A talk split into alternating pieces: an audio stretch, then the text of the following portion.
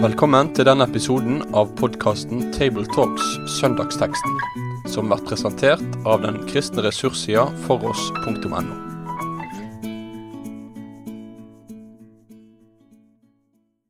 Vel møtt til Tabletalk i påsken, og vi skal i dag snakke om den første påskedagens tekst. Og vi er samlet i studio Egil Sjåstad, Svein Granerud og Asbjørn Kvalbein her. Og eh, teksten er denne, dette året fra Lukas 24, de ni første versene der. Ved daggry den første dagen i uken kom kvinnene til graven og hadde med seg de velluktende oljene som de hadde laget i stand. Eh, da, de, da, så de at steinen var rullet fra graven, og de gikk inn, men fant ikke Herren Jesu kropp. De visste ikke hva de skulle tro, men med ett sto det to menn hos dem i skinnende klær. Kvinnene ble forferdet og bøyde seg med ansiktet mot jorden, men de to sa til dem, Hvorfor leter dere etter den levende blant de døde? Han er ikke her, han er stått opp. Husk hva han sa til dere mens han ennå var i Galilea. Menneskesønnen skal overgis i syndige menneskers hender og korsfestes, og den tredje dagen skal han stå opp. Da husket de hans ord. Og de vendte tilbake fra graven og fortalte alt dette til de elleve og til alle de andre. Jeg la merke til at eh, Bo Gjerts han eh, skrev som en overskrift over dette avsnittet når han kommenterte det, 'Oppstyret rundt den tomme graven'. Jeg syns det var litt artig sagt at det var eh, litt av et oppstyr. Og, og hvorfor var det det, egentlig? Hva, hva, vil dere si? Altså, for det er jo forskjellige vitnesbyrd og ulike beretninger i evangeliene. Nei, jeg tenker at Til enhver tid så ville det nok blitt oppstyr om en grav som det beviselig var lagt igjen i, plutselig var tom. Så det, det ville vel blitt i alle kulturer, alle steder. Så det er vel ikke å undre seg, undre seg over, i og, seg, i og for seg, det. Men, men, her er det jo også et oppstyr som henger sammen med at noe var sagt på forhånd, og vi får jo vite litt om det. Så, så det er jo unikt det her, da, selv om vi kan smile litt ved tanken på at det vel hadde blitt litt oppstyr uansett hvilken grav som var tom. Men det er noe unikt, unikt her, da. De bruker jo litt uh, forskjellige synsvinkler, evangelistene, når de forteller dette her. da. Så vi får et enda rikere bilde hvis vi leser alle fire beskrivelsene av oppstandelsen. Så det er ikke oppstyr, det òg. Ja. For det er så levende fortalt at vi, vi ser det fra fire forskjellige synsvinkler, liksom, og får del i, i slags, hvilke kvinner som var der, og noen i Johannes-evangeliet er det særlig fokus på Maria Magdalena og sånn. Det er mye spennende. Ja, jeg sjekket ut dette her litt. Altså, Lukas nevner tre kvinner. Maria Magdalena, Johanna og Maria Jakobs mor. Og Markus nevner eh, tre, men Maria Magdalena, Maria Jakobs mor, men nevner Salome og ikke Johanna. Og Matteus nevner Maria Magdalena og den andre Maria, står det. Og som du sa, Egil, så Johannes evangeliet fokuserer da på Maria Magdalena. Og Lukas har med noen andre. Riktig. Etter, etter, vår tekst var det også noen andre, ja. Så det synes som at det var kvinnene, i alle fall, som hadde førsteretten til å vitne og se dette, og Maria Magdalena er nevnt av samtlige fire vitner. Hvis vi skulle trodd at dette var oppdiktet, så vil det jo være merkelig at kvinner er de første vitnene, for de var jo ikke gyldige i en rettssak som pålitelige rettsvitner. Så det er en ironi også i dette, et humor fra Den hellige ånds side, holdt jeg på å si, eh, å påpeke at det er nettopp kvinner som er vitner. Ja, det er det mange som har påpekt opp gjennom tidene. At hvis, hvis dette hadde vært en nøysom planlagt beretning for å redde en krisesituasjon, så hadde man ikke latt kvinner være vitner om det som skjedde. Så det er med å styrke troverdigheten, sånn menneskelig sett, ja. Men Jesus viste seg jo da om kvelden for de alle. Ja. Så det er både den tomme graven og Jesu tilsynekomst på påskedagskveld og videre framover flere ganger Lukas forteller jo, Det og Lukas som har skrevet dette her, og han forteller at i 40 dager så viste han seg mange ganger for dem. Ja. Og Paulus sier at 500 stykker på en gang fikk se Jesus etter oppstandelsen. Så dette som skjedde påskedags morgen, det bevitnes av kvinner, og det er engler som kommer med budskapet. Og så får vi alle disse møter med den levende oppstanden. Først Maria Magdalena i hagen, og så de andre. Ja, Lukas omtaler at det er to engler, og Markus og Matteus nevner bare én engel. Og igjen kan en jo si at dette er jo et stort kaos, og de løper om hverandre og husker ikke ordentlig. Men, men det andre, motsatte synsvinkelen, er å si at det er desto mer troverdig at det ikke stemmer overens i alle detaljer. Det er forskjellige vitner. Eh, hadde det vært en kaotisk hendelse i Oslo, så er jeg helt sikker på at vi hadde hatt masse forskjellige vitnesbyrd om hva som skjedde. Eh, men hovedsaken er jo at Jesus sto opp, og graven var tom, og han viste seg for også apostlene etter hvert. Det er vel slik det gjerne er, at hovedsaken den har alle sett, og den gjengir man med stor tydelighet. Og så står man på litt forskjellige sider og ser litt forskjellig, og så, og så blir øyenvitneskildrene alltid farget av at det er enkeltpersoner som ser. Så jeg tenker akkurat som Aspen at dette er med å troverdiggjøre beretningen. At det er sånn. Det er også interessant, syns jeg, at um, flere evangelister nevner de sterke følelsene rundt dette her. F.eks. Matteus nevner at de var skjelvende og redde, men likevel glade. Mens Lukas' beretning som vi har lest nå, den er ganske nøktern. Uh, og det er egentlig ikke så mye om følelser. Men det som slår meg, er jo den sterke henvisningen til uh, ordet, som ikke minst englene forteller om, da at han er ikke her, han har stått opp. Husk hva han sa. Og så kommer da sitatet av um, Herrens ord, vers 7 og 8, um, at han skulle jo overgis i syndige menneskers hender og korsfestes, og så stå opp igjen på den tredje dagen. Og da husket de hans ord. Så det er en, en fin ordkonsentrasjon her hos Lukas, syns jeg. Det er det. Eh, og for meg er det litt, litt trøstefullt da, at disiplene, både de tolv som det da var, og mens Jesus han nådde tre ganger hvor han fortalte eller forberedte disiplene på at han skulle lide og dø. Matteus og evangelistene gjengir jo den. For det første, han, andre, og han sa at han skulle stå opp. Tre ganger sa han det, og at han skulle stå opp igjen også. Men, men det er jo tydelig at dette har de hørt, og så har de ikke gått inn. Og annen påskedag så er det jo Emmaus-vandrerne, som vi får i samme kapittel, som sliter også veldig med å tro at han er oppstanden. Så det forteller jo at dette her kom helt uventet på dem. Og de hadde ikke klart å ta inn over seg det Jesus hadde sagt. Og da tenker jeg ja vel, da, da, da kan vi andre også undre oss og slite med å få dette på plass og tenke dette her da det, det sprenger all forstand. Det gjorde det også for disiplene. De var ikke indoktrinert eller opplært til noe som gjorde at dette var selvsagt. De slet akkurat like mye med å fatte dette ubegripelige som mennesker gjør i dag. Og For meg er det også på en måte en oppbyggelig sak. Vi er i samme båt og trenger å møte Jesus og, og få se han sånn som de opplevde det. At de fikk møte han flere ganger, som Egil sa. Jeg syns det er flott med formuleringene som brukes her. Det, det første de sier, disse hvitkledde menn, da, så er det er jo engler. da. Sånn som i GT så har du engler i menns skikkelse flere ganger. Og her har du også det hvitkledde menn som sier Hvorfor søker dere den levende blant de døde? Det er en sånn svung i formuleringen som gjør at det fester seg. Den levende blant de døde. Her har han altså stått opp ifra dødsriket, som vi bekjenner i, i vår trosbekjennelse.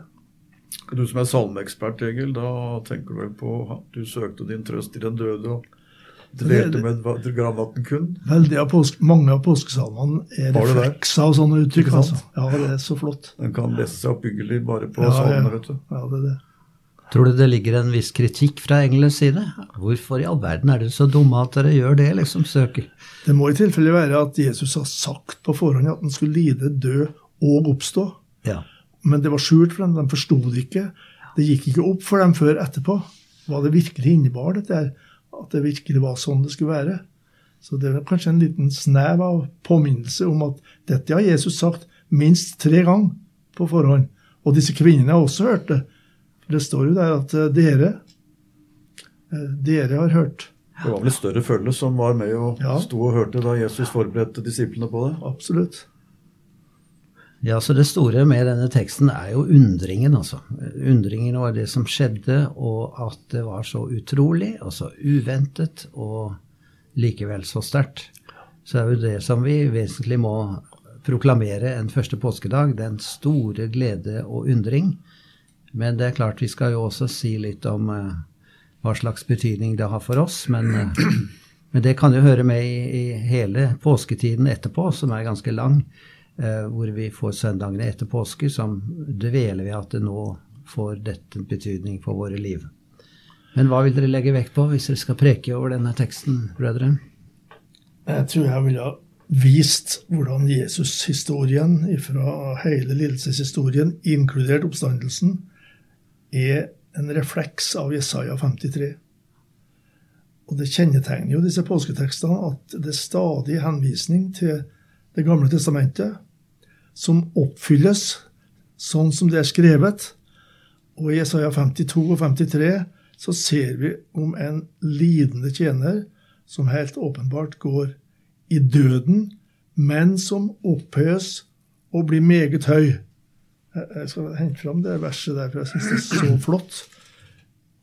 Ingressen til Jesaja 53, den er sånn Se, min tjener skal gå fram med visdom. Han skal bli oppløftet og opphøyet og være meget høy.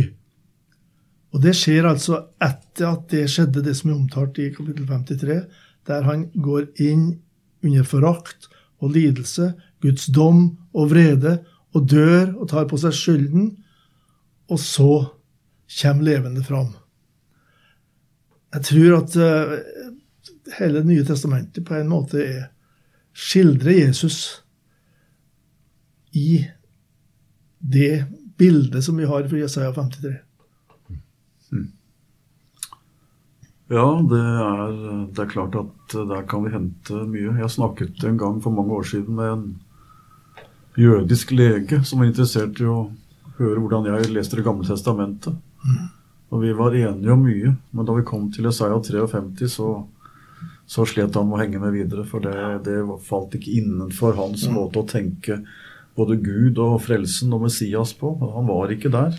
Og det var veldig sterkt å oppleve hvordan akkurat den beretningen Isaiah 53 gjorde at vi, vi, vi gikk forskjellig videre fra det, fra det, stedet, det stedet der. Så det gjelder jo også, ikke minst, vårt vitnesbyrd overfor Jesu eget folk, jødene, som, som ikke har fått se at løftesoppfyllelsene ender ut med at døden overvinnes. Og så venter man fortsatt på en som skal komme. og den Troen må vi respektere, men vi har et vitnesbyrd å bære fram her om en som, som vant over døden. Og at det er den boken vi har felles, Det gamle testamentet, at dette løftet står.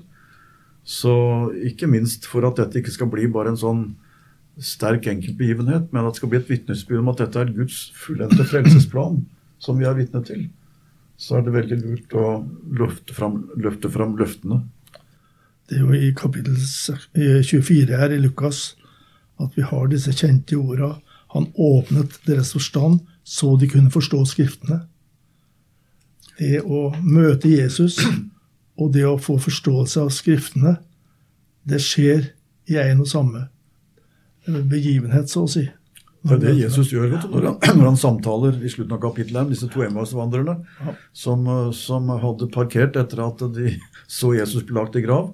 Så må Jesus holde bibeltime med dem da, til fots eh, og undervise dem om det som, som skrevet om han står det i både lov, Moses og profeten og alle skriftene. Og da begynte de å skjønne. Det hadde de hørt før. Det var deres barnelærdom. De hadde hørt det mange ganger. Men når det kom til stykket, så så så dere ikke. Og så måtte Jesus vise dem fra Det gamle testamentet, altså fra deres egen bok, at dette er det talt om. Han måtte lide og dø, og så skulle han oppstå. Jeg syns det er flott i det avsnittet som er verdt å trekke fram her i sammenhengen. Det er jo Lukas' beretning begge deler, at han jo beskriver, som du nevner, dette med at han skal lide og dø og stå opp tredje dag. og at hans navn, omvendelse og tilgivelse skal forkynnes for alle folkeslag. Der har du misjonen. Fra Jerusalem av. Og så kommer dette i et eget vers 48. Dere er vitner om dette. Og det er ikke bare, tror jeg, et vitne dere skal være om dette budskapet, men dere skal også være vitne om at dette står skrevet. At jeg anvender Skriften på denne måten, vil Jesus si. At jeg kan dra ut fra Den hellige skrift alt det som nå har skjedd. Mm. Veldig viktig, tror jeg, det du sier der. altså. Hvis vi tar for oss evangeliene som sjanger, da, så er det ikke vanlige biografier. Det var to veldig vesentlige forskjeller til vanlig biografi. Nemlig at tyngdepunktet er ei uke. Det Jesus kaller 'timen er kommet'. Der er tyngdepunktet i alle evangelier. Og i Johannes-evangeliet opptar den ene uka faktisk nesten halvparten. Og det andre er nettopp at denne biografien i anførsel har stadige henvisninger til Det gamle testamentet. Det er noe som er forutsagt, og så kommer virkeliggjøringen. Og det er den vi bevitner i disse evangeliene her. Ja, og jeg tror det er veldig relevant også i de debatter som stadig kommer opp fra tid til annen hvor man sier at vi tror jo ikke på Bibelen som bok, vi tror på Jesus, og vi tror på, på hans kraft. Og så, og så, forsterker man det til de grader at man trekker fra det sterke tilknytningen Jesus selv eh, gjør til Skriften. Altså 'mine ord skal ingenlunde få gå', sier han. Og så sier han 'Skriften skal ikke få gå', ikke en tøddel av loven. Så han gjør seg til ett med Skriften. Og man kan ikke løsrive Jesus fra Bibelen. Og, og det syns jeg er viktig å se Lukas' vektlegging på det. Også gjennom det som er sitert fra englene. Ja, og det gjør jo Bibelens forfatter òg, Det nye testamentet. Matteus understreker gang på gang at dette skjedde for at det skulle oppfylles det som er talt i Skriftene. Så vi mm. skal vite at, at det er sammenheng mellom det som er talt, og det som skjedde. Og hvor mange ganger Paulus viser til også det, og ikke minst hebreerbrevet. Så det går ikke an å lese Nytestamentet uten mm. å se at, at, sammenhengen mellom den gamle og den nye pakt, den, den er med å, å, gjøre at dette er eh, frelseshistorie. Det er Guds historie. Og da kan det ikke løsreves ifra det som er talt før. På så veggen, det er trist når det skjer sånn som Asbjørn beskriver, at det blir en Jesus-historie som skal få leve på egen hånd, løsrevet fra Bibelen. På veggen foran meg på kontoret hjemme der eh, har jeg et maleri jeg kjøpte i Tyskland av Mathias Grünewald. Mm. Og der ser vi Jesus på korset, som dør, da, eller kanskje allerede er død. Og så ser vi døperen Johannes på Golgata. Og han har denne klassiske pekefingeren da, som peker på Jesus. Og så er det et lam ved Jesu føtter som skal minne oss om at han sa det er Guds lam som bærer verdens synd. Og så er det den flotte eh, observasjonen vi kan gjøre, altså at døperen Johannes har over venstrehånda si ei bok oppslått. Og det er tydelig i Det gamle testamentet. Så der har kunstneren forsøkt å vise at det som skjedde med Jesus, det skjedde i pakt med Det gamle testamentet, og sentrum i det er knytta til Jesus som Guds lam. Og også oppstandelsen har samme eh, bakgrunn. Jeg har jo når jeg har prekt om disse tingene Jeg har litt rusten stemme i dag, men jeg får holde. Så har jeg ofte tatt utgangspunkt i det Jesus sier. Vi nevnte det så vidt, disse for, forutsigelsene av det som skal skje. Så sier han 'Se, vi går opp til Jerusalem'. Og veldig kort sagt så er det vi-et der, det har mange dimensjoner. For der er Jesus på vei til Jerusalem sammen med hele det jødiske folk. Iallfall de som ville feire årets påske i Jerusalem. De skal feire utgangen fra Egypt. Er altså en del av uh, bekreftelsen av at Gud i fortid har frelst og bevart dette folket fram til nå. Så Jesus er en del av dem. Og så har han med seg disiplene. De er med. Og så er det et vi der som går på at noen av dem skal være vitner til det som gjør at nå blir påsken fornyet. Det blir annerledes. For nå skal de ikke bare feire et begivenhet fra lang tid tilbake og spise påskelam. Nå skal de spise Jesu legeme og blod, for nå er det han som er påskelammet som gis til frelse, ikke bare for det jødiske folk, men for hele verden. Og skal de være vitner til at han dør og oppstår. Og så skal de bringe dette til folkeslagene. Og da blir altså dette viet i, i mm. Det nye testamentet det blir både det jødiske folk, for de er en del av dette vi, Og så blir det Jesu disipler, som i særlig grad er øyenvitner, og dermed også skriftlige vitner om det som skjedde. Og så er det hele den kristne menighet som i deres følge får høre evangeliet. Og alle de er både vitner om det vi har sett og hørt, vi også, og alle skal dele det videre. Så dette viet, det vier seg ut. Først er det hele folket, og så sneves det inn til de tolv som skal være vitner i særskilt grad. Og så vies det seg ut igjen, slik at det skal bli det store evangeliets vi når vitnene er blitt hørt og dette bringes ut. Så dette er, det er mye flott her å trekke inn, altså ikke minst når du ser dette store perspektivet. Ja, ja. Ja, og det der vi, som du sier, med apostlene altså Jeg nevnte jo det med å løsrive Jesus, men det var Jesus som sa 'de som hører dere, hører meg'. Og da tenkte han på de tolv. Men det er klart, vi, vi har en, en, større fylde av vitner også, som Paulus nevner i første kor 15 og de første versene der. Stadig flere, 500 på en gang, hadde sett han levende. Men så er det jo mange andre som også da har fått det virkelig gjennom ordet og uh, en indre overbevisning. Dette er sant. Og nå er vi en del av det store vi. Ja. Og det skal vise seg ut til å bli enda flere. Jeg tror det er veldig viktig at en forkynner også kan ha et perspektiv som en henter inn fra apostlene sine brev når det gjelder oppstandelsen. Det har vi allerede vært inne på her med, med det som refererte til fra første kor 15, om de 500 som så han på en gang. Men i Filippe-brevet så går Paulus igjennom hele denne påskebegivenheten, inkludert Kristi himmelfartsdag. Og så sier han at han fornedret seg selv og ble lydig til døden, ja, døden på korset. Derfor har Gud høyt opphøyet ham. Så Jesu opphøyelse, den skjer på grunnlag av at han var lydig til døden, fornedra seg sjøl, gikk inn under alle våre synder og sto fram ifra graven som uh, seierherren. Derfor har Gud høyt opphøyet ham. Og Det kommer til uttrykk også i mange solide, gamle salmer. Ja, gamle salmer. Jeg har lyst til å sitere Martin Luther, som har sagt det sånn.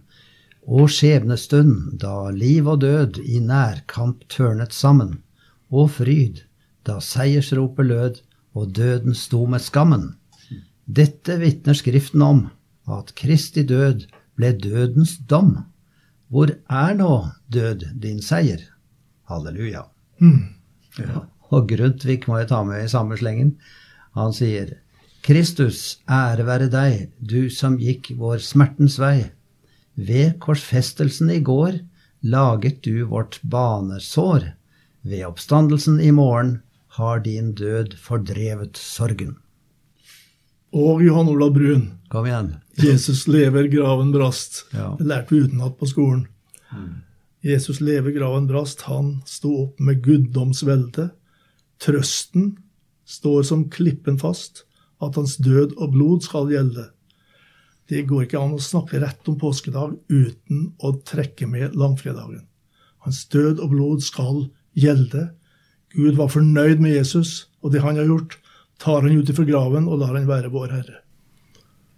Dette skriver Paulus mye om, at Jesu oppstandelse er en bekreftelse på at hans seier over kors, på korset gjelder. Hvis ikke så hadde vår tro vært intet, sier også Paulus litt lenger ute. Så, så uten seier over døden så hadde Jesu korsdød vært uh, virkningsløst. Det henger i hop. Og den store salmedikteren Svein Ellingsen kan vi også sitere her. Mm. Han sier døden må vike for Guds rikets krefter. Livet er gjemt i et jorddekket frø. Se, i oppstandelsens tegn skal vi leve. Se, i oppstandelsens lys skal vi dø. Det er flott sagt, og det med å leve i oppstandelsens lys, det er eh, utrolig fint. Sterk tekst fra en som nettopp har gått bort i den troen som man ja. vitner om. Ja. ja, vi ble så poetiske nå. Jeg vet ikke om vi bevegde oss litt for langt bort fra teologien i dette her, men det er en begeistringens dag vi skal feire. Så må vi jo, litt avhengig av hvis vi skal forkynne, det er kanskje ikke så mange som skal i disse tider, men, men vi har jo fra tid til annen også tatt det perspektivet som går på vårt eget liv og vår egen tro.